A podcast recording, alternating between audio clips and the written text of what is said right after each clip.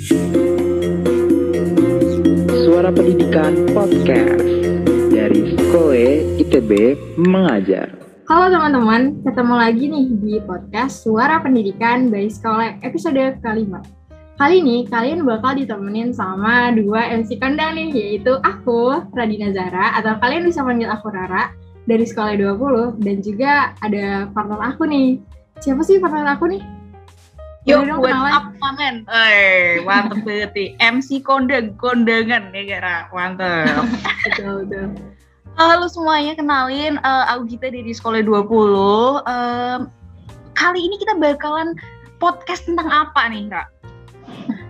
Jadi kali ini kita bakal bahas podcast yang pastinya udah ditunggu-tunggu banget nih sama para maba. Pembahasan tentang TPB tentunya. Judul podcast kali ini adalah apa gitu?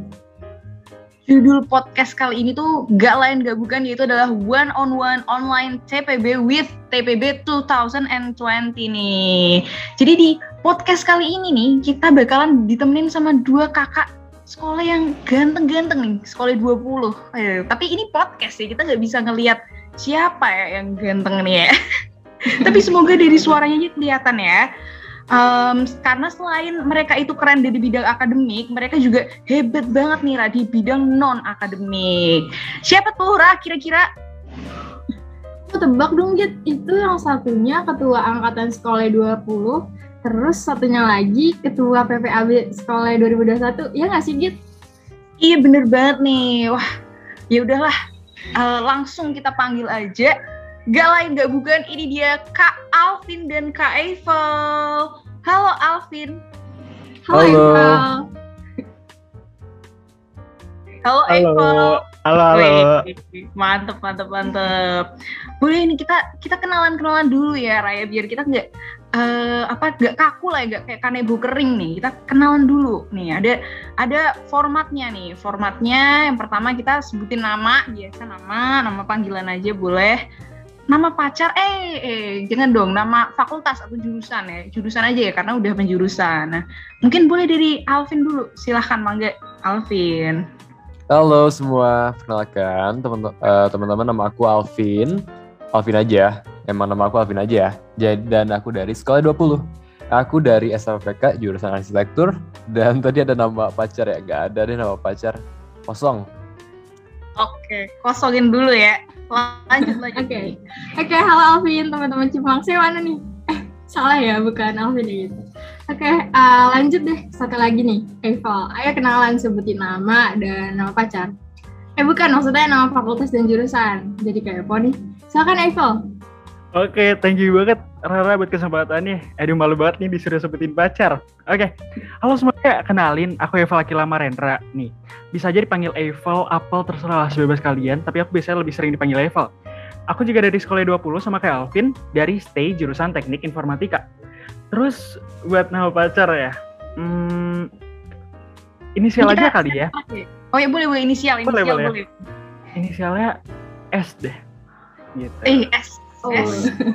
Aduh. Ya, Siapa nih? Oke, ya, Oke, jenis oke. casting serem. Oke. Jadi ini intermezzo ya, intermezzo ya. Val. Ini kamu nih lahir di eh, Perancis atau gimana nih? Kenapa namanya Eiffel? Iya gak sih? Tunggu, kita kepo banget nih. Tenang gitu, tenang. Nanti kita bisa kepoin lebih jauh tentang dua narasumber ganteng kita ini di kesempatan selanjutnya. Karena kali ini kita bakal bahas hal yang lebih penting lagi nih tentang per TPB-an. Udah gak sabar kan? Wih iya Ra. Untungnya kamu ingetin nih, kalau enggak aku pasti udah udah nyosor di pertanyaan udah aku tanyain nih siapa nih si S dan sebagainya. Oke, jadi kita bakalan ngobrol-ngobrol santai nih ya sama eh, Kak Eiffel dan juga Kak Alvin. Tapi eh, sebelumnya nih aku bakalan kasih apa ya overview dulu ya guys tentang eh, TPB ini. Jadi TPB itu kalau katanya eh, anak-anak ITB itu udah tahap paling bahagia nih. Weh, tapi iya apa enggaknya yang menentukan kalian-kalian ya. Tapi TPB itu sebenarnya kepanjangan dari eh, tahap pertama bersama. Nah, jadi di TPB ini kurang lebih bakalan pelajar eh, belajarin mata kuliah yang hampir sama kayak waktu kita SMA, kayak matematika, fisika, kimia, terus ada bonus-bonus pengenalan gitu dari jurusan biasanya atau dari fakultas. Nah, yang bikin tambah seru ini, jadi di TBB ini kita uh, juga dituntut untuk berjuang menuju um, jurusan yang kita idam-idamkan. Dan mata kuliahnya juga sama ya, Raya, buat uh, beberapa fakultas hmm. ya. Nah, uh, jadi kayak bisa uh, PDKT, maksudnya belajar bareng gitu, Raya. Oke, okay, langsung kita tanyain nih pendapatnya dari um, um, Rara nih, gimana nih Ra kalau masalah TPB ini Ra? Uh, kalau aku sih menyikapi TPB jujur agak kaget sih, tapi di sinilah tempat awal buat berkembang, beradaptasi, dan berjuang lebih keras lagi. Nah kalau gitu langsung aja nih kita ngobrol bareng dengan kedua narasumber yang datang kita ini. Oke oke, okay. langsung aja ya mungkin ya. Pertanyaan pertama nih, uh, menurut uh, Alvin dulu dari Alvin dulu kali ya ini uh, TPB itu gimana sih Vin menurut kamu TPB? Oke, kalau dari aku itu kan uh, mungkin kalian ngerasa di ITB itu bakal beda ya sama kuliah lain. Karena di sini tuh ada TPB, kita ada pengenalan dulu. Nah kalau di mana kalau yang di kuliah lain mungkin kalian lihat teman-teman kalian itu udah langsung masuk ke jurusannya. Jadi mereka udah uh, mata pelajarannya itu udah fokus ke jurusan mereka masing-masing. Tapi kita tuh kalau TPB online tuh udah bener-bener kayak ya udah kayak SMA aja gitu. Soalnya kita nggak kuliah karena online gitu kan. Tapi ya bedanya itu kita bakal ketemu orang-orang baru yang bener-bener bervariasi dari uh, Indonesia gitu. Oke oke, bener banget bener banget tuh. Tadi Alvin sempat ngepoint out juga masalah uh, mirip kayak SMA nih. Aduh, kayak SMA gak sih? Kalau iya, menurut aku sih lebih susah. Bener-bener up, yang di upgrade banyak ya. Jadi um, ya gitu lah. Pokoknya uh, eh, TPB ini ya kurang lebih belajarnya sama kayak waktu di SMA. Cuma uh, ada upgradean-upgradean dikit. Nah Um, tapi untuk kita nih, kita um, generasi 2020 dan untuk adik-adik juga 2021 tuh kita bakal ngadepin yang namanya TPB online. Nah, kalau menurut uh, Alvin sendiri nih, masih Alvin. Jadi kayak uh, menurut kamu challenge-nya dari uh, TPB online itu gimana sih dan apa yang bikin beda tuh dari yang TPB offline? Oke, okay, kalau aku offline kurang tahu ya, karena aku juga kan belum pernah offline. Uh, aku juga masuk sama kayak kalian uh, online. Tapi yang jelas kalau online itu musuh terbesar kalian tuh bukan materi yang dikasihnya, mungkin ya memang agak lebih berat mungkinnya di beberapa matkul.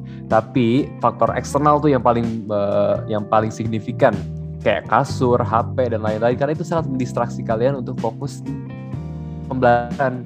Kalau kalian bisa fokus saat bakal cukup IP kalian buat jurusan favorit kalian. Tapi ya nggak semudah perkataan gitu. Itu harus uh, sesuatu yang harus kalian uh, benar-benar uh, fokus gitu. Selain itu ya kalian siap-siap aja karena saat offline ini kalian akan banyak di depan laptop, di depan gadget kalian. Kalian tuh untuk mengikuti acara kuliah, cara cari TB, unit-unit dan cari teman itu bakal semua depan layar. Jadi siap-siap aja gitu ya. Lalu juga di saat online ini ya agak susah sih mencari teman karena bakal cukup kalian tuh harus cukup aktif dan nggak bisa nunggu orang lain dulu gitu kalau kalian ingin cari teman. Kalian harus aktif mengeluarkan eksistensi kalian ke teman-teman kalian gitu agar dapat punya circle kalian sendiri. Oke, ih bener banget sih laptop udah kayak aduh teman banget deh 24 per 7 Nah kalau menurut Eiffel gimana nih tentang TPB online? Ada gak sih perbedaan signifikan yang kamu rasain? Oke, okay, thank you banget ya aku mau ngomong nih ya, itu kayaknya jawabannya sebenarnya udah diambil sama Alvin tadi. Mungkin ini yang pendapat aku aja ya. Jadi yang pertama tuh mungkin dari perkuliahannya ya, dari aspek perkuliahannya. Kalau misalnya offline kan pasti kita tuh datang ke kelas, terus kita kayak ketemu dosen dan lain-lain. Dan sekarang tuh kita cuman bisa duduk di depan laptop, mungkin dosennya nggak tahu kita siapa, kita juga nggak bisa ngeliat muka dosennya. Jadi itu yang menurut aku kurang banget ya. Nah tapi apa sih enaknya sebenarnya? Kalau menurut aku enaknya tuh abis kita absen ya, absen di CX, terus nanti kita masuk meet kita record di laptop kita terus kita tinggal tidur. Terus nanti bikin alarm bangun-bangun terus kayak apa ya stop recording udah nontonnya kapan-kapan aja gitu kan bisa. Enak banget kan? Nah terus apa lagi ya? Hmm, mungkin cara temenan kali ya. Tadi udah sempat dijelasin juga sama Alvin jadi kalau misalnya kita nyari temen nih ya di online itu tuh kita kayak harus mungkin harus nge-stalking dulu tuh mereka aja misalnya kayak Instagram wah ini stay juga nih ya eh dia kenal ini juga nah itu juga bisa jadi bahan pembicaraan kalian gitu misalnya kayak eh Vina kamu kenal Arde ya, Ardelia ya.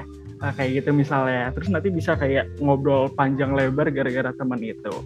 Terus yang terakhir mungkin ini ya. Um, sebenarnya aku agak sedih sih ngomong ini. Cuman kan um, banyak banget acara yang di TPB itu yang kalau misalnya offline itu tuh seru-seru gitu loh. Maksudnya kayak datang terus kayak diceritain sama kakak tingkat. Nah, kayak misalnya OSKM, terus ada open house unit, tapi kalau misalnya di kita, itu beda banget. Saya beda banget, tapi nggak kalah seru juga ya. OSKM-nya online, terus ada open camp unit di tahun kita ya nggak sih? Tapi kalau misalnya di kalian mungkin nanti OHKIB, kayak gitu sih. Pokoknya seru deh, kalian harus enjoy ngejalanin TPB online. Oke. Okay. Oke, wah ternyata banyak banget ya enak-enaknya yang tadi udah disebutin sama Eiffel. Ngomongin tentang per TPB ya nih, udah lengkap dong kalau belum bahas buku apa aja yang dipakai. Buku tuh udah kayak tongkat ajaib penyihir gak sih? Yang penting banget. Boleh dong Eiffel jelasin buku apa yang dipakai? Oke, wih keren banget itu dia pak tongkat ajaib penyihir ya. Oke, kalau dari yeah, aku sendiri agak delay gitu ya kita ngomongnya, tapi gak apa-apa. Oke, kalau misalnya buku aku, aku lebih suka sama buku latihan gitu. Ini mungkin nanti kalau selama TPB kalian bakal sering denger gitu loh.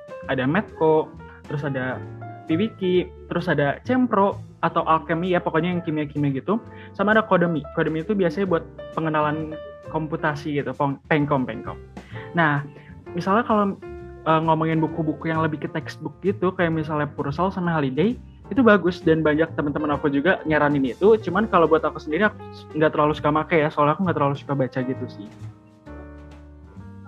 Iya bener banget, aku juga nggak terlalu suka textbook gitu, jadi langsung ke buku latihan soal. Nah, kalau Alvin gimana nih?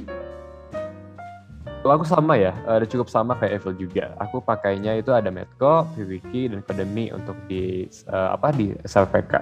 Aku nggak ambil Cempro sih karena waktu itu nggak sempet kebeli. Jadi awalnya pengen sih, tapi kan di SLPK itu Cempro cuma semester satu, eh kayak kimia cuma ada di semester satu ya. Jadi aku nggak banyak. Uh, kenapa sih aku uh, belinya cuma latihan soal? Karena aku juga dengar dari kakak aku, katanya kakak aku juga kan dari mantan ITB, uh, dia bilang kalau beli yang Eh, buku-buku uh, Piwiki eh buku Piwiki lagi kan Purcell dan lainnya itu kalau emang kalian suka baca aja dan kakak aku malah nggak dipakai jadinya jadi kayak penghalang pintu doang kalau kakak aku. Nah maka dari itu aku cuma beli latihan soal aja dan aku ngerasa itu udah cukup kok buat kalian untuk membantu kalian di masa TPB ini. Ya dan kalau Purcell dan hal itu mah gampang lah bisa kok dibajak. Biasanya dosennya juga malah ngasih gitu ke kalian uh, linknya gitu. Jadi santai aja kok Yoi, benar banget tuh. Jadi kalau misalnya textbook nih ya, Paul dan Vin, uh, jadi kalau textbook ini biasanya uh, tersebar luas lah ya di internet tuh juga macam-macam pengen belajar dari web juga ada, pengen belajar yang um, langsung, pengen pakai buku online atau pengen pakai buku aslinya juga bisa. Jadi kayak balik lagi ke cara belajar dari uh, teman-teman juga ya. Uh, kalau aku juga personally aku juga langsung kayak kalian gitu sih kayak latihan-latihan soal aja sih. Oh ya tadi ngomongin ini nih, ngomongin uh, buku-buku online dan uh, sebagainya ya, ya uh, istilahnya aplikasi lah, mungkin tempat belajar juga ya bisa kita pakai buat tempat belajar. Apa nih yang kalian rekomenin bisa aplikasi atau software yang bisa dipakai buat uh, belajar TPB online nih? Mangga mungkin dari Alvin dulu kali ya.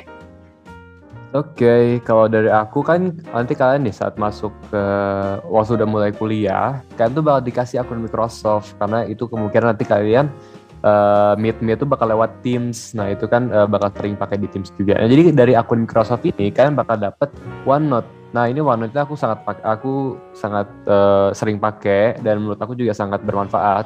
Di sana tuh kayak buat nyimpen nyimpen catatan atau nyimpen nyimpen eh, foto-foto itu bisa di sana. Jadi kayak materi-materi kuliah atau materi-materi unit gitu kan kalian bisa di sana disortir dengan gampang gitu. Jadi di mana aku sering sering banget pakai itu.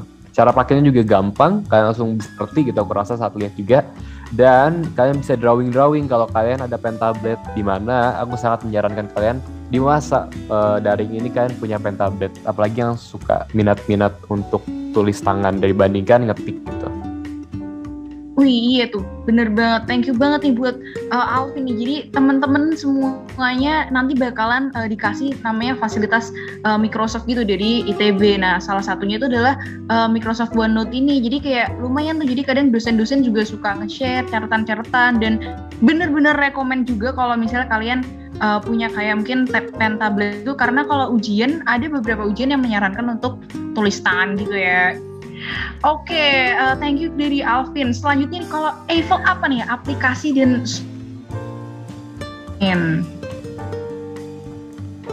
Oke, okay, thank you. Kalau aku sih nggak bacot-bacot ya, nggak no bacot no kecot. Nah, kalau aku sendiri itu hal atau aplikasi yang paling sering aku pakai itu tentunya Google Chrome. Kenapa sih Google Chrome full gitu kan? Nah iya, kalau Google Chrome itu kan kita bisa ke YouTube, terus kita bisa nyari bahan referensi, kita bisa searching-searching. Nah, jadi kalau kata aku tuh, Google Chrome tuh aplikasi yang paling bantu aku banget deh. Kayak misalnya aku lagi belajar nih ya, belajar sampai begadang. Nah, si Google Chrome ini dan isi-isi YouTube dan lain-lainnya itu sih yang ngebantu aku banget buat makin semangat dan termotivasi lagi gitu. Oh, eh, bentar-bentar. Sama satu lagi nih, ada Adobe juga kayak Adobe Reader gitu. Soalnya itu kalau misalnya materi-materi perkuliahan itu kan pasti banyak banget yang menggunakan PDF PDF gitu. Nah itu bakal ngebantu banget gitu sih. Wih, Google Chrome ternyata yang selama ini kita kayak ya udah kita sering pakai ternyata lebih bakal sering dipakai lagi ya Vel ya berarti ya waktu TPB-nya. Oke, sama jangan lupa tuh guys, Adobe Reader nih juga penting banget nih. Jadi uh, lumayan nih kalau kalian uh, misalnya ada tugas disuruh nge-scan dan sebagainya bisa pakai Adobe Reader juga buat ngeliat hasil scannernya. Nah, nggak cuma aplikasi aplikasi-aplikasi tadi, nggak cuma OneNote dan Google Chrome, tapi uh, ada juga kayak aplikasi-aplikasi lain yang atau mungkin um, web yang bakal kita sering buka untuk anak-anak TPB yaitu adalah TPB 19, uh, terus habis itu ada MS Teams, si Pendi, dan ada lagi Six. Wah ini gimana nih Ra kalau menurut kamu Ra? Yang paling sering dibuka pastinya kalau aku si X, Microsoft Teams, sama si Pendi sih, karena aku uh, setiap ujian pasti di si Pendi dan ya seperti yang kalian tahu hasil dari si Pendi itu lama banget keluarnya. Nah, uh, kita beralih lagi nih ke pembahasan selanjutnya ngomongin tentang uh, keseharian kita selama TPB, ada nggak sih pengalaman pembelajaran di kelas yang paling berkesan? Coba boleh dong aku dengar cerita dari Eval dulu. Hmm, berkesan ya. Oh ya, mungkin gini sih. Kalau aku yang ngerasain sendiri, itu aku susah banget fokus di kelas online ya. Kecuali kalau emang itu terpaksa kayak misalnya disuruh-suruh dosen atau dosennya kan nunjuk-nunjuk. Nah mungkin itu yang menurut aku paling berkesan. Jadi gini nih, waktu itu pernah ada satu mata kuliah, aku sebut aja lah ya, kimia waktu itu tuh. Hari itu tuh lagi hari pertama gitu, kita nggak ngerti, kita belum kenal dosennya dan lain-lain. Nah tiba-tiba aku tuh ditunjuk suruh ngejawab soal. Dan aku waktu itu nggak ada preparation banget dong pasti. Kayak, hah? Apa nih? Terus tiba-tiba langsung dihitung sama dosennya kayak, satu dua tiga kalau enggak itu sih yang menurut aku paling berkesan gitu sih. Ya ampun seru banget. Terus akhirnya kamu bisa jawab gak Val? Atau skip aja? Bisa tapi ada jawaban terakhir tuh salah gitu. Jadi kayak ditegasin gitu katanya kamu harus belajar ya kayak um, nanti ini soalnya materinya cukup panjang gitu jadi emang itu malah motivasi aku banget sih Ram Hmm, Oke, okay. ih keren banget. Evo bisa termotivasi dari pembelajaran pertama kimia. Nah, kalau dari Alvin sendiri ada nggak sih cerita-cerita berkesan atau pengalaman yang lucu gitu selama menjalani kuliah uh, online? Duh, cerita lucu. Yang ada juga cerita memalukan sih. Karena biasanya aku tuh kan kalau uh, bukan termasuk orang yang suka fokus ya kalau lagi matkul. Uh, jadi aku biasanya agak nyanyi gitu dikit-dikit kan. Nah aku tuh pernah waktu pelajaran kalkulus, aku ya nyanyi aja gitu kan. Terus nyata on mic dong. Terus kayak di telepon sama teman di chat. Iya, terus di ya chat ampun, gitu kan. Wow sih Ya, on mic. Alvin, Alvin gitu kan. Teriak-teriak gue kan kaget gitu kan. Alah, ya langsungnya off mic. Terus kan udah ya udah. Tapi yang konyolnya itu tuh itu kan mungkin hari pertama. Terus besoknya kejadian lagi. Kayak Sumpah. sampai tiga kali gitu. Aku nggak tahu Oh deh my kayak God. HP aku error. Soalnya aku biasanya pakai HP karena kan bisa jalan gitu. Ya nggak tahu kenapa tiba-tiba on tiga kali gitu. Aduh stres deh pokoknya. Paling ya Oh, iya. selain selain itu yang berkesan juga apa ya? Eh, aku nggak kalau pelajaran aku jarang sih semester 2 aku jarang ikut matkul. Soalnya biasanya eh cuman ditinggal doang jangan ditiru ya gengs Oke oke.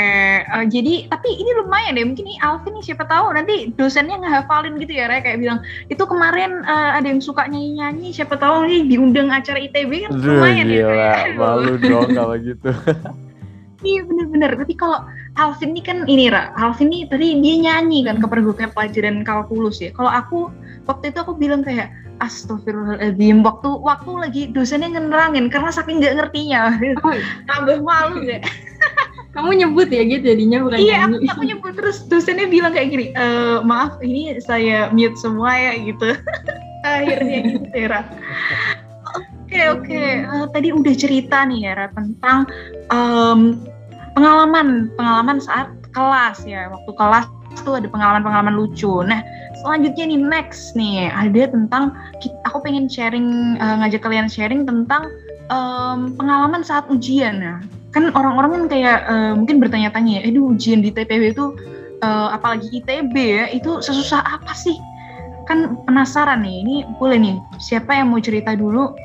Eh, gimana kalau Alvin dulu nih yang masih ada vibes vibes nyanyinya apakah masih nyanyi nyanyi juga selama ujian Oh enggak dong, kalau ujian aku rasa aku fokus juga gitu.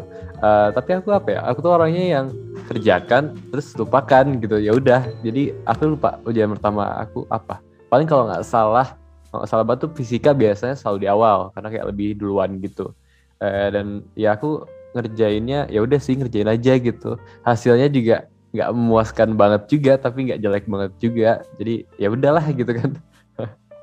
Iya iya kayak udah nothing tulus aja ya Vin ya kayak semakin dipikir semakin sakit hati kan gitu Bener kan banget. Udah nggak apa-apa, terlakan aja. Oke oke oke oke. Itu tadi dari sisi Alvin nih. Coba kita dengarkan eh, dari sisi Eiffel nih yang eh, mungkin Eiffel em, ada cerita-cerita lain nih saat eh, ujian di TPB. Gimana tuh Eiffel?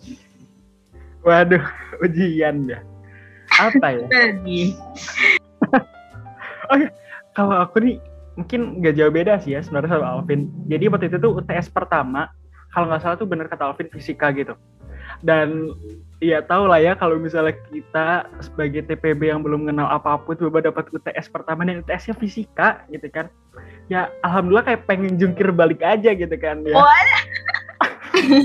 Ini pengen jungkir balik nih saking saking susahnya atau saking mudahnya jadi kamu kayak ada waktu buat jungkir balik tuh Eiffel. Saking susahnya dong ya. Kalau Oh, mudah nggak mungkin jungkir balik ya.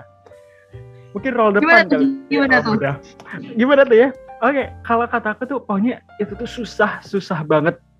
Tapi ya mungkin kalau misalnya kita bandingin nih ya, antara offline sama online, kalau tes fisika tuh aku ngeliat soal-soal yang offline tuh kayak susah, sesusah itu. Sedangkan kalau misalnya kita yang online tuh kita lebih dapat kayak privilege gitu loh. Kita dikasih soalnya lebih PG semua. Jadi kita tuh mau jawab A, B, C, D gitu kayak pasti ada kemungkinan bener ya gitu daripada kalau sananya esai dan kita nggak ngerti apa pun gitu ya. Jadi nggak dapat Iya benar benar benar benar. Terus Dan- ini juga apa namanya eh ada soal yang ada yang gampang gitu tapi memang banyak kan yang susah sih kayak bener ya. Hmm, bener bener banget. Oke, kalau Rara gimana nih? Kalau aku memang eh wah UTS fisika tuh memang bener-bener deh bikin nangis ya. Tapi kalau Rara mungkin jago nih gimana Ra? Boleh cerita dikit nih. Ah, kalau aku lebih sama kayak Alvin sih ya, kerjakan dan lupakan. Oke, nah sama aku pengen eh, ngepoin nih. Tadi kata Eval tuh privilege ya. Ngomongin tentang privilege nih, pasti berhubungan sama cara kita sosialisasi di kehidupan gak sih? Nah, aku pengen tanya nih, gimana sih cara kalian beradaptasi dan cari temen gitu ketika TPB online? Kan susah nih ya, kita nggak ketemu langsung. Gimana, boleh cerita dong dari Eval dulu? Wih, deh, keren banget ya bridgingnya gitu dari UTS langsung ke teman. Wih, deh. Oke. Oke, kalau dari aku sendiri nyari teman tuh at first ya itu susah banget. Sesusah itu, apalagi kan aku di SMA mungkin aku bisa disebut ansos lah ya. Apa sih bukan ansos ya? Ansos mungkin jelek banget ya. mungkin introvert tapi introvert yang nggak mau sosialisasi gitu.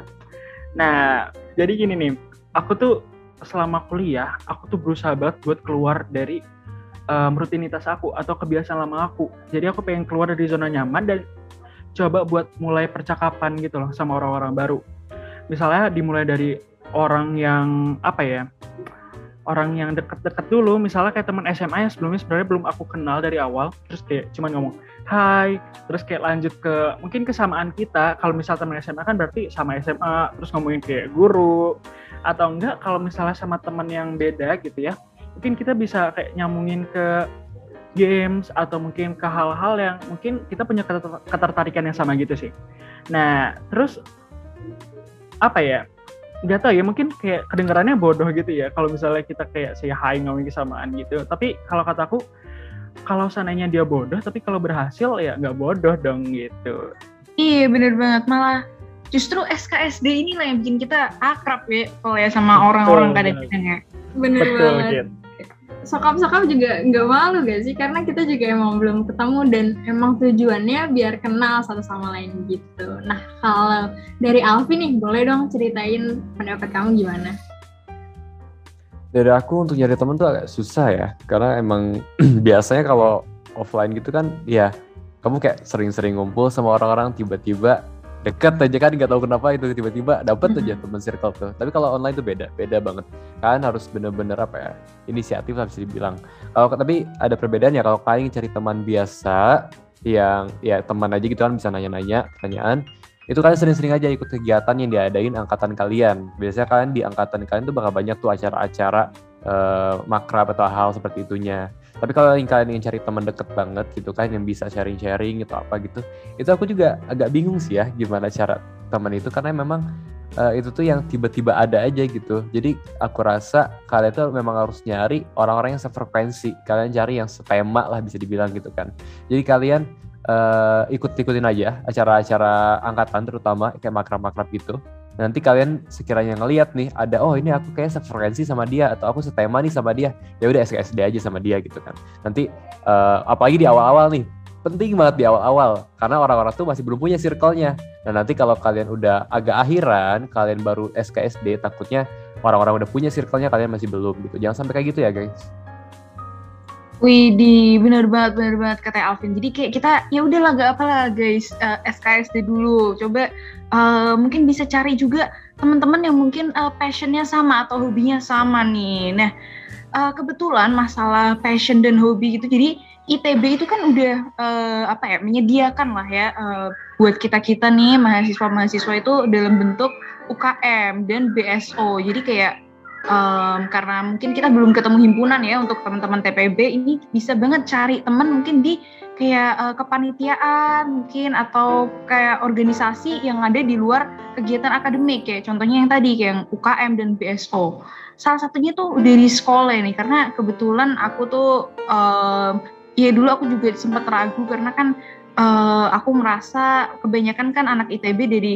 Jakarta Bandung gitu ya dan aku dari Jawa Tengah gitu. Terus aku takut gak punya temen. Terus aku akhirnya join nih di sekolah terus akhirnya wah ternyata orang-orangnya asik juga nih. Aku pengen denger dong nih dari uh, Alvin dan juga Eiffel uh, pengalaman kalian nih dalam mungkin uh, cari temen di kegiatan uh, organisasi atau mungkin kegiatan kepanitiaan gitu. Gimana nih? Boleh diceritain nggak? Mungkin dari um, Alvin kali ya, Alvin. Oh oke, okay. um, kalau aku kan ya ikut ya cukup beberapa untuk cari pengalaman juga. Uh, itu aku ikut di luar tuh ada namanya GSIS, mungkin kalian ada pernah dengar nanti. Uh, terus juga kalau unit aku ada ikut LSS, ada ikut Gemais, ada UBV, dan tentunya sekolah. Nah dari kaderisasinya itu ya, kalau yang aku udah lihat dari beberapa unit ini, yang paling yang paling rame dan paling beda gitu ya yang asik itu kaderisasi sekolah sih. Kayak kaderisasi sekolah itu apa ya?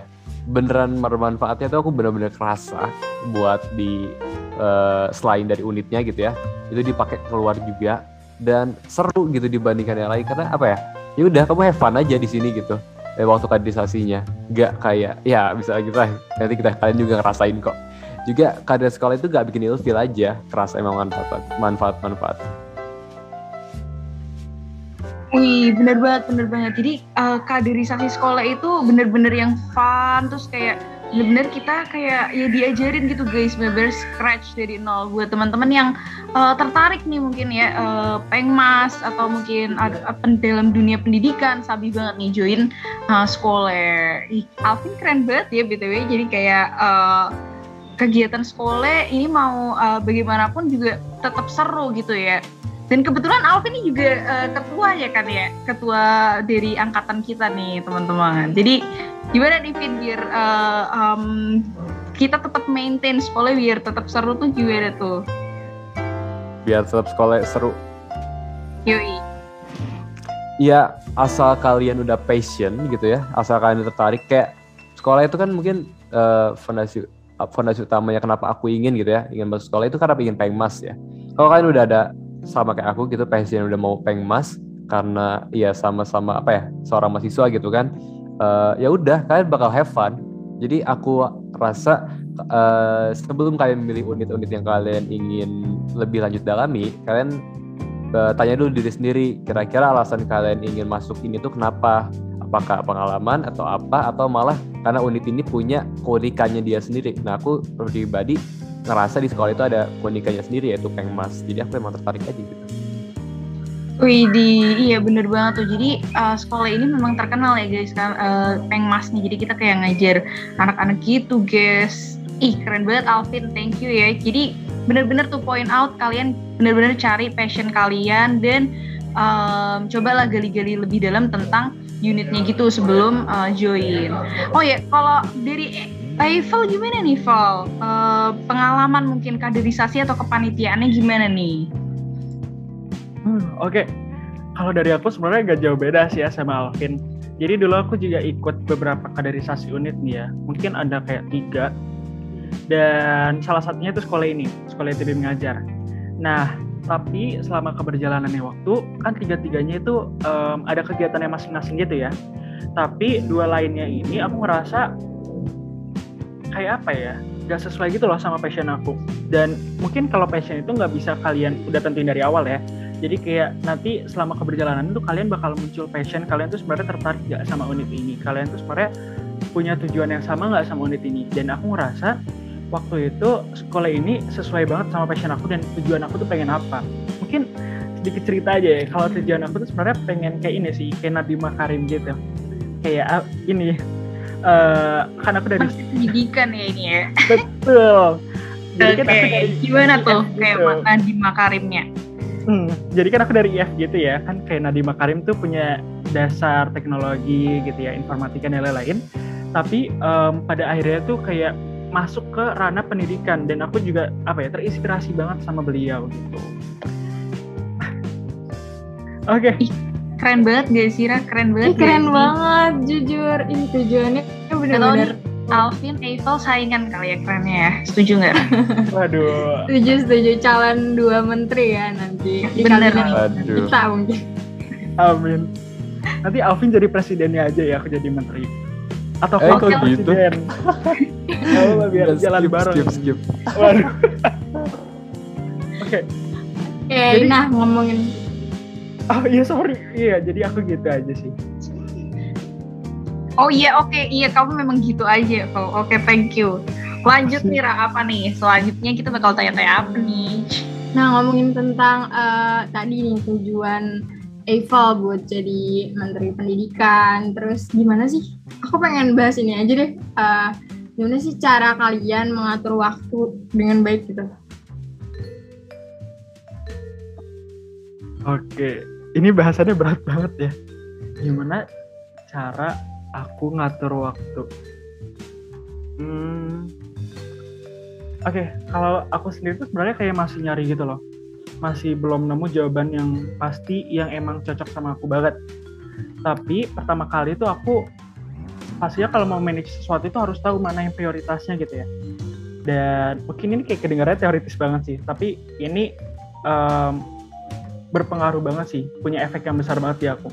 Jadi prioritas yang dibagi itu kayak gimana? Kalau nggak salah dulu aku pernah dengar namanya Eisenhower Matrix. Jadi itu um, ngebagi antara penting sama mendesak. Kalian tahu nggak? Pernah denger nggak? Pernah, pernah, pernah dengar. Oke, gimana tuh? Jadi itu tuh um, ada penting sama mendesak. Jadi ada penting tidak penting, ada mendesak tidak mendesak. Jadi ada matriks gitu. Nah, mungkin kalau buat pembagiannya nanti kalian bisa belajar masing-masing ya teman-teman. Nah, tapi satu hal lagi nih yang menurut aku penting banget itu tuh mengenai main game gitu loh.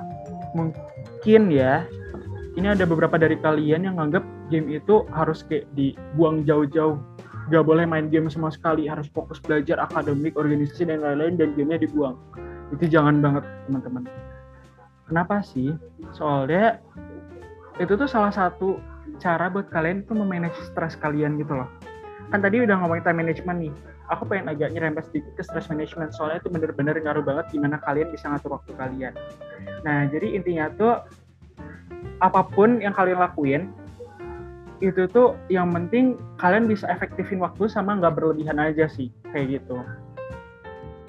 Ih, sumpah Wih, keren keren ya. banget.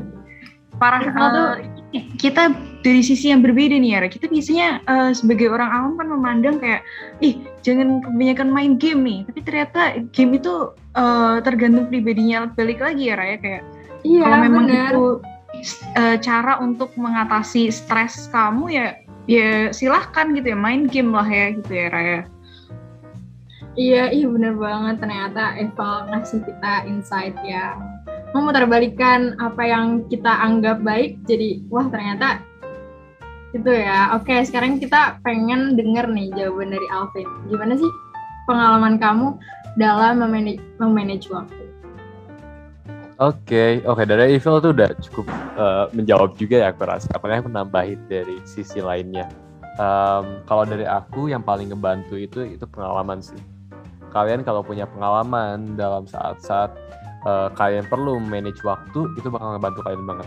Kayak misalkan eh, jadi misalkan gimana sih ya berarti kalian kalau bisa gitu ya di masa-masa TPB ini terutama kalian buat diri kalian chaos, buat diri kalian tuh eh, sesibuk yang kalian sanggup ya jangan sampai melebihi yang kalian sanggup tapi sampai kalian sanggup nah nanti kalian baru bisa ngerti gitu betapa pentingnya untuk manage waktu dan bagaimana cara mengatur dengan waktu yang baik dengan kekeosan kalian tersebut ya memang kayak itu kayak kontradiktif gitu ya. Karena aku mau manage waktu kok malah aku menyibukkan diri? Ya tapi karena menyibukkan diri kalian itu lebih penting dipakai saat nanti kalian udah masuk jurusan. Karena di situ aku rasa yang bakal seperti kakak tingkat bilang juga itu yang masa-masa yang bakal bikin kalian chaos banget. Nah maka dari itu saat kalian TPB ini kalian sibukkan diri kalian dulu sebelum nanti daripada kalian kewalahan saat jurusan gitu kan. Nah terus juga kalau kalian chaosnya di masa TPB ini yang masih eh, orang-orangnya beragam kalian tuh bisa cari teman-teman di saat kalian chaos juga misalkan kalian ikut em, unit ini atau misalkan ikut acara-acara ini nah berarti kan kalian bakal sama-sama dengan orang-orang chaos juga kan yang ikut acara-acara itu. Nah kalian nanti bisa saling bantu kayak misalkan nanyain gimana sih kalian kalau manage eh, time management kalian gitu ke teman-teman yang ikut acaranya juga. Siapa tahu dia bisa ngasih aplikasi yang ngebantu atau bagaimana dia eh, ngehandle time managementnya karena memang beberapa orang tuh berbeda dalam time management dan aku nggak bisa ngasih tahu jawaban pastinya itu tergantung dari kaliannya aja gitu kan. Uh, jadi ya intinya sih bukan aja dulu di masa TPB ini sebelum nyesel nanti nggak belajar soft skill uh, time management saat nanti di jurusan yang di mana ini juga aku dengar dari Kapin. Idi bener banget bener banget. Wah ini jujur agak beda nih ya. Ini malah eh, kalau dari Alvin ini, eh, kalau tadi Eva lebih ke stress managementnya. Kalau dari Alvin ini yang bikin beda adalah coba kamu ngetes dulu kayak sejauh apa kamu tuh bisa em, handle gitu kali ya Vin ya. Terus em, nanti di tengah kekeosan itu kamu akan em, mengerti sendiri. Oh gini nih. Jadi cara em, ngerjain sesuatu hal yang efektif tuh gimana dan efisien itu gimana dan penting banget buat teman-teman TPB itu buat em, cari pengalaman seluas-luasnya. Nah, karena dari situ juga kita bisa belajar. Ini wah insightful banget ya Raya. Keren keren. Iya bener. Oke. Nah ini nih ngomongin tadi tentang masalah eh, kegiatan-kegiatan ya. Kan kalau di em, selama kita jadi mahasiswa tuh kegiatan tuh banyak ya. Tapi untuk kegiatan yang di TPB nih, Eiffel sama Alvin, event apa yang eh, menurut kalian itu tuh wah ini nih gak bakal ngelupain nih event satu ini. Boleh nih Sabi nih. Mungkin dari eh, Eiffel dulu kali ya. Apa nih Eiffel? Event yang uh, ada di TPB yang kamu nggak bakal lupain?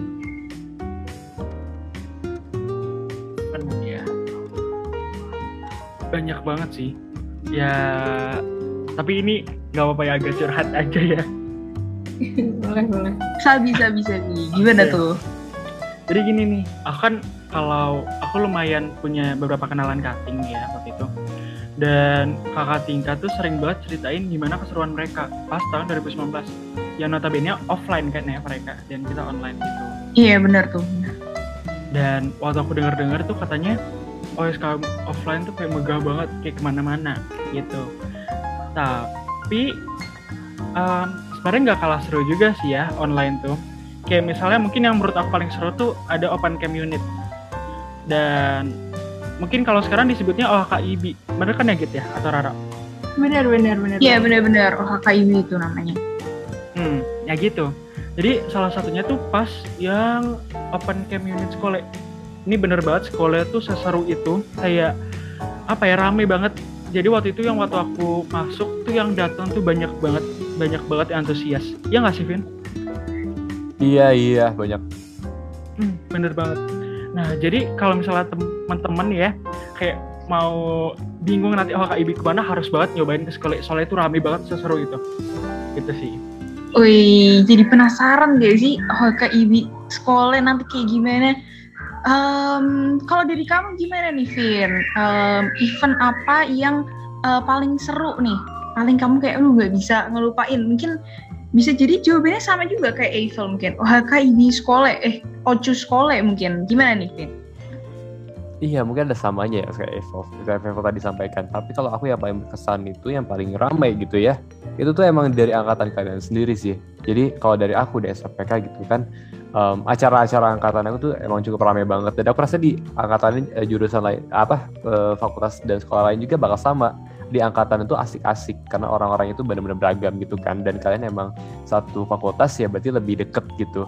Uh, jadi ada acara-acara angkatan dan di mana kaliannya sendiri yang ngebuat acaranya. Kalau di acara angkatan gitu kan ya kalian jadi ikut kepanitiaannya atau kalian malah bahkan bisa jadi ketua acara tersebut itu benar-benar menarik dan berkesan kalau di masa online ini ya. Tapi bener kayak Evo tadi kayak, kayak sedih banget ya kita uh, nggak offline gitu. Padahal kalau offline juga acara-acaranya juga rame-rame. Tapi ya udah gak apa-apa Iya, nikmati dulu aja yang udah ada gitu kan ya. Nah Iya. jadi Em, tapi ya bener kata Eva tadi yang aku tuh kan bener-bener nunggu waktu Ocu ya. Karena di SMA aku nggak tahu nih SMA kalian tapi di SMA aku kan nggak terlalu banyak nih ekstrakurikulernya. Tapi kan di TB tuh waktu ngeliat tuh wah gila banyak banget tuh unit-unitnya gitu kan. Kayak lihat satu dua tiga wow banyak banget kayak beragam banget eh, wadah untuk kalian mengeluarkan potensi kalian gitu. Nah jadi aku nunggu-nunggu banget sama Ocu gitu. Dan seperti yang tadi bilang tadi aku emang tertarik untuk melakukan pengmas karena kayak di SMP SMA gitu kan kamu belum bi- bisa gitu eh, untuk melakukan pengmas tapi di saat jadi mahasiswa kamu bisa. Nah maka dari itu aku tertarik masuk eh, Ocu sekolah. Nah bener kata Aiful juga tadi karena aku rasa banyak yang se apa ya se thinking sama aku gitu untuk melakukan pengmas di Ocu sekolah itu bener-bener rame. Jadi kalian jangan lupa untuk ikut Ocu sekolah oke Kayak, wah, aku setuju banget sih sama Alvin tadi tentang acara angkatan. Di FTTM juga banyak banget guys eh, acara-acaranya, jadi bakal seru. Dan aku yakin di fakultas-fakultas lain juga lebih seru. Nah, tadi ngomongin tentang OHKIB. OHKIB itu apa sih? Eh, jadi kalau aku bisa jelasin, jadi OHKIB itu adalah singkatan dari Open House KM ITB dan internalisasi budaya Indonesia. Jadi nanti bakal ada pengenalan tentang KM ITB, MWAWM, HMJ, dan unit-unit juga tentunya. Jangan lupa ya buat datang ke stand sekolah di acara OHKIB lewat Gathertown pada 28 sampai 29 Agustus 2001. Kalian bakal nemuin hal-hal tentang sekolah, terus ada games juga, dan bakal dapet hadiah nih buat conference meetingnya kita bakal ada di hari Minggu tanggal 29 Agustus 2021 jam 8 sampai jam 10 pagi. Jadi jangan sampai kelewatan guys. Karena eh, kita bakal ketemu cuma di jam segitu aja. Udah gak sabar banget kan nih buat ketemu kalian. Astagfirullah. Gimana Ya, Git? Kamu pasti banget. datang kan nanti? pasti pasti langsung semuanya ke Gigo Let's Go take note semuanya Minggu 29 Agustus 2021 jam 8 sampai 10 pagi pada bangun semua langsung eh, ke stand OHKIB Sekolah langsung gas ya guys teman-teman ya kita tunggu kalian di sana. Oke nih, um, next question. Aku pengen, uh, aku tuh penasaran nih tentang uh, apa sih hal yang uh, mungkin kalian menyarankan atau kalian yang uh, tidak menyarankan lah untuk uh, teman-teman TPB ini lakuin atau istilahnya mungkin lebih gampangnya do's and don'ts for um, TPB 2021 ya untuk adik-adik nih setelah pengalaman yang uh, kalian dapat di TPB kalian sebelumnya. Mungkin boleh nih uh, apa nih Vin? Kalau dari kamu do's and don'ts-nya. Ya aku juga cukup bingung ya do's and don'ts-nya. Karena aku tuh belum terlalu bisa masih banyak mungkin nanti Evel mungkin bisa nambahin. Kalau aku mungkin apa ya? Um, mungkin cari teman dekat. Cari teman dekat itu di awal-awal. Ingat kata aku tuh bilang cari teman dekat sebelum teman kalian udah punya circle sendiri. Oke okay? kalian cari teman dekat dan do's-nya juga sering-sering ikut acara angkatan. Karena di sana itu emang acaranya rame dan benefitnya itu ya kalian jadi lebih dekat sama teman-teman angkatan gitu kan. Jadi kalian bisa nanyain tugas atau apa itu cukup beneficial juga. Dan seperti yang aku bilang juga dusnya itu fokus saat kuliah. Itu bakal susah banget karena aku ngerasa kayak cuman berapa gitu yang bisa fokus. Uh, tapi kalau kalian bisa lakukan. Lakukan sebisa mungkin gitu ya. Don'ts-nya apa jangan sampai nggak siaga waktu masuk Zoom. Cek udah on mic belum, cek udah on cam belum, atau enggak di double tip kamera kalian gitu kan, atau mic-nya kalian ganti uh, apa inputnya biar waktu on mic kalau nggak sengaja nggak ada suara kalian gitu. Itu tetap siaga oke, okay? jangan sampai nggak siaga sampai daripada ada adegan-adegan memalukan sampai tiduran, sampai keluar iya, suara kalian itu. Aduh jangan sampai deh itu tuh ada ada yang cerita ketinggalan sendiri di akhir iya, meet wah parah banyak itu tuh banyak kan sering deh bakal nemuin itu kayak di Teams gitu ya kalau kalian uh, sampai semuanya udah live nih yang itu ada dua tiga orang gitu di sana tuh itu tuh ketiduran itu emang bener, lucu banget, banget. Kan tiap biasanya tiap... kadang sampai di PC dosen, Vin. Di PC oh, dosen. Iya. Tolong keluar ya, tolong ya. Iya, iya, iya. Ada, ada sampai gitu. Pokoknya tiap waktu ada deh aku yakin banget nanti kalian juga bakal ada satu atau dua orang deh pasti bakal ada gak tau deh emang susah kayaknya uh, mungkin Apple boleh nambahin juga Wih, thanks banget buat Alvin. Nah, uh, tadi kan uh, kalau Alvin ini uh, penting juga tuh buat cari teman dan juga uh, join kepanitiaan ya. Jangan jangan pernah menyanyiakan masa TPB kalian tuh. Nah, kalau dari Eiffel sendiri apa nih, Val? Do's and don'ts versi kamu nih? Hmm. Eh, ini sebenarnya Alvin udah ngambil banyak banget jawaban aku sih. Um, mungkin aku jawabannya umum aja nih ya. Kayak misalnya dus, kalian harus banget belajar. Tapi cara belajar kalian tuh bebas. Kalian kalau yang tadi Alvin pernah bilang, eh Alvin bilang kan kalian harus fokus nih waktu dengerin dosen. Kalau kata aku tuh harus, tapi mungkin uh, beberapa orang tuh nggak bisa fokus banget gitu loh dengerin dosen. Jadi mungkin cara belajar masing-masing kalian tuh bisa nih coba kayak cari-cari cara belajar gitu. Misalnya eh, nggak uh, apa-apa misalnya nggak dengerin dosen tapi nanti kalian harus belajar mandiri um, buat ngejar ketertinggalan kalian atau lain-lainnya gitu. Dan terus ada juga buat ngimbangin ya kalian udah sering banget belajar sering banget ngelakuin kegiatan macam-macam kalian jangan lupa buat istirahat. Itu penting banget. Istirahatnya tuh boleh kayak tidur atau mungkin kalian bisa ngasih self reward atau mungkin kayak main game. Pokoknya istirahat yang bikin diri kalian tuh kayak refresh atau mungkin stres kalian tuh bisa hilang gitu atau mungkin kembalikan motivasi diri kalian kayak gitu. Terus yang terakhir itu buat busnya tuh percaya diri. Percaya diri ini macam-macam ya. Pertama bisa percaya diri um, waktu ngejawab soal terus percaya diri waktu ngasih apa ya um, ngasih apa jawaban kalau misalnya ditanya dosen itu nggak apa-apa percaya diri mau salah mau bener pasti dosennya bakal ngebenerin kalian gitu. terus yang terakhir juga harus percaya diri buat temenan sama orang. Kalian harus apa ya beraniin diri. Kalian tuh um, di sini online dan kalian tuh nggak bisa berteman secara organik gitu loh. Kayak misalnya kayak dekat sama orang kenalan terus jalan bareng itu susah banget. Jadi kalian harus dengan cara kayak online kayak chattingnya lama-lama kayak gitu itu penting banget buat aku buat cari teman. Terus kalau yang don'ts-nya apa? Yang pertama nggak belajar itu nggak boleh banget ya. Harus belajar. Terus yang kedua gila nggak boleh. Ini banyak banget teman-teman TPB aku itu yang sampai gila banget. Entah mungkin gila gara-gara belajar. Gila ini kenapa? Kenapa nih? Gimana definisinya? Gila itu gimana? Karena uh, pelajarannya udah uh, udah bikin bingung, jadi akhirnya gila. Atau gimana nih gilanya nih, Eiffel? Gilanya tuh kayak apa ya? Chaos gitu gitu. Kayak udah gak kuat buat menjalani hidup gitu, menjalani hidup di TPB. Kayak oh, itu gak boleh. Overheat lah ya, overheat, burn out. Burn out, burn out itu bener banget. Iya, iya, iya ini nih gak boleh social anxiety aduh kata-katanya Inggris banget ya gak boleh social anxiety terus gak boleh overthinking gak boleh depression gitu gak boleh pas kalian jadi harus nemuin sesuatu yang kalian suka buat ngilangin hal-hal tersebut gitu sih Oke, wah keren banget sih insight-insight yang dari disebutin sama Eval tadi. Dicatat ya guys, harus banget dicatat. Nah selanjutnya kita bakal bahas tentang tips survive TPB online. Gimana sih cara kalian gitu untuk berhasil melewati satu tahun TPB online yang penuh dramatis ini? Coba dari Eval dong boleh. Kalau dari aku, pokoknya kalian harus buat punya teman. Itu wajib banget, wajib, wajib, wajib, wajib, wajib.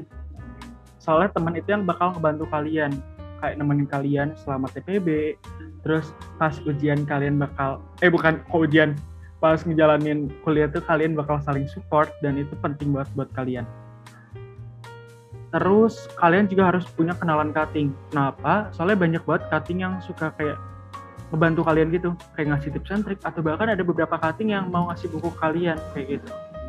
Itu penting banget sih. Terus kalian juga harus ini mungkin udah sempat disebut ya sama Alvin tadi ya kayak kalian harus punya unit atau kegiatan yang sesuai sama passion kalian termasuk kayak aksi angkatan yang emang sesuai sama passion kalian itu. Itu penting banget. Soalnya nanti kalian tuh bisa ngelasi relasi terus ngembangin uh, kemampuan kalian wawasan kalian atau mungkin ngembang, ngembangin gimana cara kalian komunikasi sama orang. Itu penting banget terus yang terakhir kalian harus berani banget nyoba atau mungkin kalian uh, nyari hobi kalian terus kayak nyari apa sih passion kalian tapi buat hobi ini sebenarnya bebas ya, soalnya tiap hari itu kalian bisa berubah hobinya. Asal kalian tuh nggak bosen aja ngelakuin itu.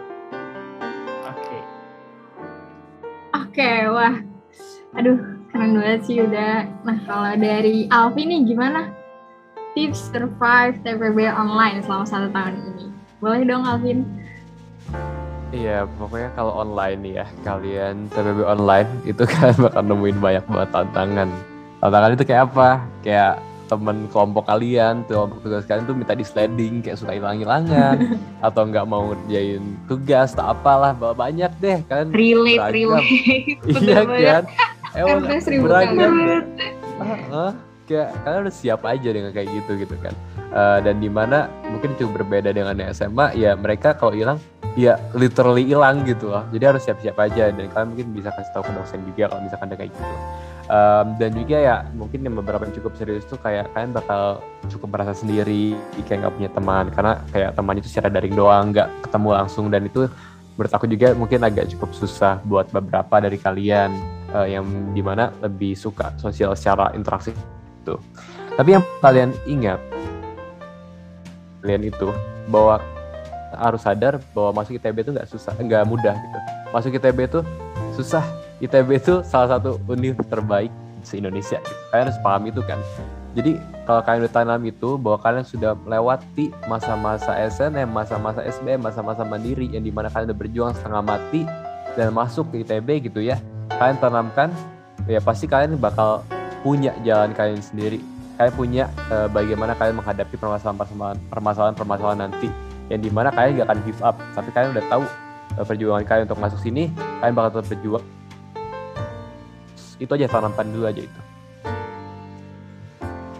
Idi keren banget. Kalau nah ini aku nge-point out tadi ya. Jadi kayak uh, ketika kita mungkin merasa um, mungkin kayak udah ngerasa kayak uh, hampir hopeless atau mungkin udah capek. Hal ingat lagi kayak the reason why we kayak ingetin lagi kayak aduh aku masuk TB itu berjuang mati-matian. Terus um, masa sampai sekarang nih udah udah aku perjuangin nih sekarang aku males-malesan gitu ya Vin ya. Keren banget yeah. keren banget. Wow wow wow. Nah nih tadi kan udah ada tentang uh, TPB survival tips nih. Nih, aku pengen tanya uh, kalau dari Alvin sama Eiffel, sekarang aku pengen tanya uh, jurusan survival tips. Waduh. Jadi kan kayak uh, Alvin nih RC ya, arsitektur. Terus Eiffel ini kan uh, jurusan informatika. Ini kan jurusan-jurusan yang prestisius lah ya, jurusan favorit yang biasanya uh, teman-teman TPB ini biasanya pada ambil tuh. Nah, gimana sih strategi kalian untuk mendapatkan uh, jurusan impian? Gimana tuh? Mungkin boleh uh, dari ini dulu ya uh, dari seorang anak arsi gimana nih Alvin? Oke, okay. aku nggak tahu ya kalau di fakultas sekolah lain gimana. Karena kalau di uh, eh, SMPK itu cuma ada dua jurusannya. Itu ada arsitektur dan planologi gitu. Uh, kalau dari aku mungkin ya asal ya untuk kalian gimana masuk jurusan impian asal kalian nggak bolos ulangan jangan sampai ada yang bolong gitu ya tugas-tugas kalian juga nggak bolong dan kalian belajar aku rasa udah cukup untuk kalian masuk gitu kan. Ajak teman kalian buat belajar bareng biar nyaman juga. Jadi kalian nggak eh, nggak uh, apa nggak burn out sendiri gitu. Ajak teman kalian siapa dan biasanya di angkatan kalian juga sendiri bakal ada tuh tutor-tutor untuk angkatan uh, siapa tahu dari angkatan kalian mungkin ada yang ngadain kayak gitu itu cukup membantu juga. Atau kalian sendiri yang nge-mentorin untuk bisa itu benar-benar ngebantu. Uh, tapi ya memang balik lagi tergantung sama jurusan kalian sulit apa. Tapi uh, sesulit apa pun asal kalian fokus dan nggak bolos itu bakal masuk sih dari aku. Itu dengerin teman-teman. Jadi jangan lupa uh, jangan bolos. Pokoknya um, tetap belajar tetap berusaha terus ya Alvin ya. Kalau pengen uh, mengejar nih mungkin adik-adik ini mungkin ada yang pengen jadi uh, adik tingkatnya Alvin ya di RC ya. Siapa tahu nih. Oh, kalau dari um, tips dari Eiffel sendiri gimana nih? Gimana strategi seorang Eiffel ini untuk mendapatkan jurusan informatika? Gimana tuh? Boleh diceritain nggak nih? Oke, okay, thank you kita. Kalau misalnya dari aku sendiri, kan STE itu mungkin beda ya sama um, SAPPK. Jadi di STE itu ada 6, 6 jurusan informatika, terus ada sistem dan teknologi informasi, terus ada elektro dan lain-lainnya. Dan itu apa ya? Cukup berat buat aku di awalnya buat nentuin mana sebenarnya aku suka. Nah, jadi mungkin tips pertama aku itu kalian harus tahu dulu jurusan impian tuh apa, jurusan impian kalian tuh apa. Gimana caranya kalian tuh harus kayak um, nanya-nanya cutting gitu. Mulai dari jurusan itu tuh nanti kayak gimana, bidangnya kayak gimana, rananya gimana, tugas-tugasnya kayak gimana. Jadi tuh kalian udah mulai persiapan gitu dari awal. Mulai um, nyicil-nyicil mungkin kalau misalnya dari elektro kan berarti mereka harus ngefokusin ke arah ranah elektro atau rangkaian. Terus kalau misalnya dari informatika, itu kalian ngefokusin ke arah coding, lalu ke arah yang berhubungan sama ranah informatika tentunya. Nah, mungkin selain itu kalian juga harus ambis, ambis gitu. Tapi ambis di sini ambis positif ya, ambis ke arah yang emang menguntungkan buat kalian dan juga kalian bisa kayak sharing-sharing gitu sama teman-teman kalian yang tadi aku udah bilang ya. Jadi nyari teman tuh penting banget. Kalian bisa saling kayak support, saling support, saling bantu membantu dan itu juga buat tips kalian masuk jurusan tuh karena ada teman itu membantu kalian. Terus sama yang terakhir kalian jangan lupa istirahat. Ini aku mau nekenin lagi, kalian jangan lupa istirahat. Kalian jangan sampai burn out, kalian jangan sampai kecapean terus kalian malah ujungnya itu nggak dapet apa-apa dan nggak ngelakuin apa-apa. Itu jangan banget. Itu dari aku. Oke, wah. Uh, teman-teman harus catet ya tadi keempat poin yang udah disebutin sama Eko. Keren, Keren banget gak sih Git? Ya ampun. Bicara kita uh, bener-bener ya kita di sini menyadari ya kayak uh, pentingnya buat cari teman, cari uh, organisasi yang uh, pas untuk kita sesuai passion kita dan juga cari um, cari tahu lebih lanjut ya tentang jurusan kita tadi kalau pengen banget dapat jurusan itu tuh Ra. Iya, aku juga jadi merasa wah uh, aku udah ada di sini berarti aku harus melanjutkan perjuangan yang udah aku perjuangin dari dulu gitu. Harus tetap semangat harus tetap apa ya nggak nyerah gitu nanti sama tantangan tantangan uh, yang ada di depan. Keren banget deh. Bener-bener nah um, tadi kan kita udah dengerin nih Ra, jawaban-jawaban dari uh, narasumber kita yang super super keren banget nih. Kalau menurut kamu gimana Ra? Uh, apa yang menurut kamu paling uh, insightful nih, paling menarik? Kalau aku tadi itu tuh yang bagiannya uh, Alvin tuh yang Alvin bilang uh, coba dulu kamu pokoknya join dulu, coba dulu, um, terus nanti kamu bisa ngukur sendiri nih apa namanya um, kemampuan kamu untuk memanage waktu. Kalau dari kamu apa nih kak? Uh, aku juga setuju sih sama yang itu yang tadi Alvin bilang harus chaos dulu. Terus aku juga uh, setuju tentang uh, kita harus punya teman dari awal. Karena aku merasakan banget tuh kalau kita nggak punya teman dari awal, nanti akhir-akhirnya kayak yang lain tuh udah pada udah pada punya circle sendiri. Dan kita kayak aduh kita temenan sama siapa? Apalagi saat online kayak gini kan circle-nya tuh nggak iya, kelihatan. tiba-tiba mereka ya, udah uh, berkelompok tiba-tiba mereka udah akrab dan kita kayak ketinggalan. Jadi penting banget guys buat uh, cari teman nih dari awal-awal TPB ini. Mantep banget sih Git. Gokil. Oke. Makasih banyak uh, buat Alvin sama Eiffel yang udah luangin waktunya buat sharing-sharing sama kita nih di podcast uh, Suara Pendidikan Baik Sekolah episode kelima kali ini. Semoga nanti adik-adik maba ITB 2021 bisa termotivasi nih dan dapat sedikit gambaran tentang TPB online yang udah uh, kita jalani selama satu tahun kebelakangan ini. Bener banget, bener banget. Um, thank you banyak dan makasih so much nih buat uh, Alvin dan Eiffel yang udah uh, nemenin kita selama uh, beberapa waktu ini uh, untuk ngisi podcast kita. Nah, last but not least nih, um, kayaknya kok kurang afdol ya, kurang afdol nih kalau misalnya kita belum tagline dulu, kita belum uh, ngomong uh, tagline PPAB Sekolah 2021, ya enggak, Ra? Iya betul banget. Gimana tuh Dit? Contohin dong. Oke oke, okay. aku bakalan contohin ya, contohin ya. Uh, jadi nanti kayak gini nih, PPAB Sekolah 2021 terus bermimpi, mari berkreasi, siap berkontribusi. Nah mantep banget nggak teman-teman? Langsung eh, kita kita mulai aja ya sekarang bareng-bareng ya, bareng-bareng nih. Iya. Ini Alvin Eiffel join juga boleh boleh. Oke oke. Okay, aku ini ya, aku yang mulai ya. PPAB Sekolah 2021 terus bermimpi, terus bermimpi mari berkreasi, siap berkontribusi.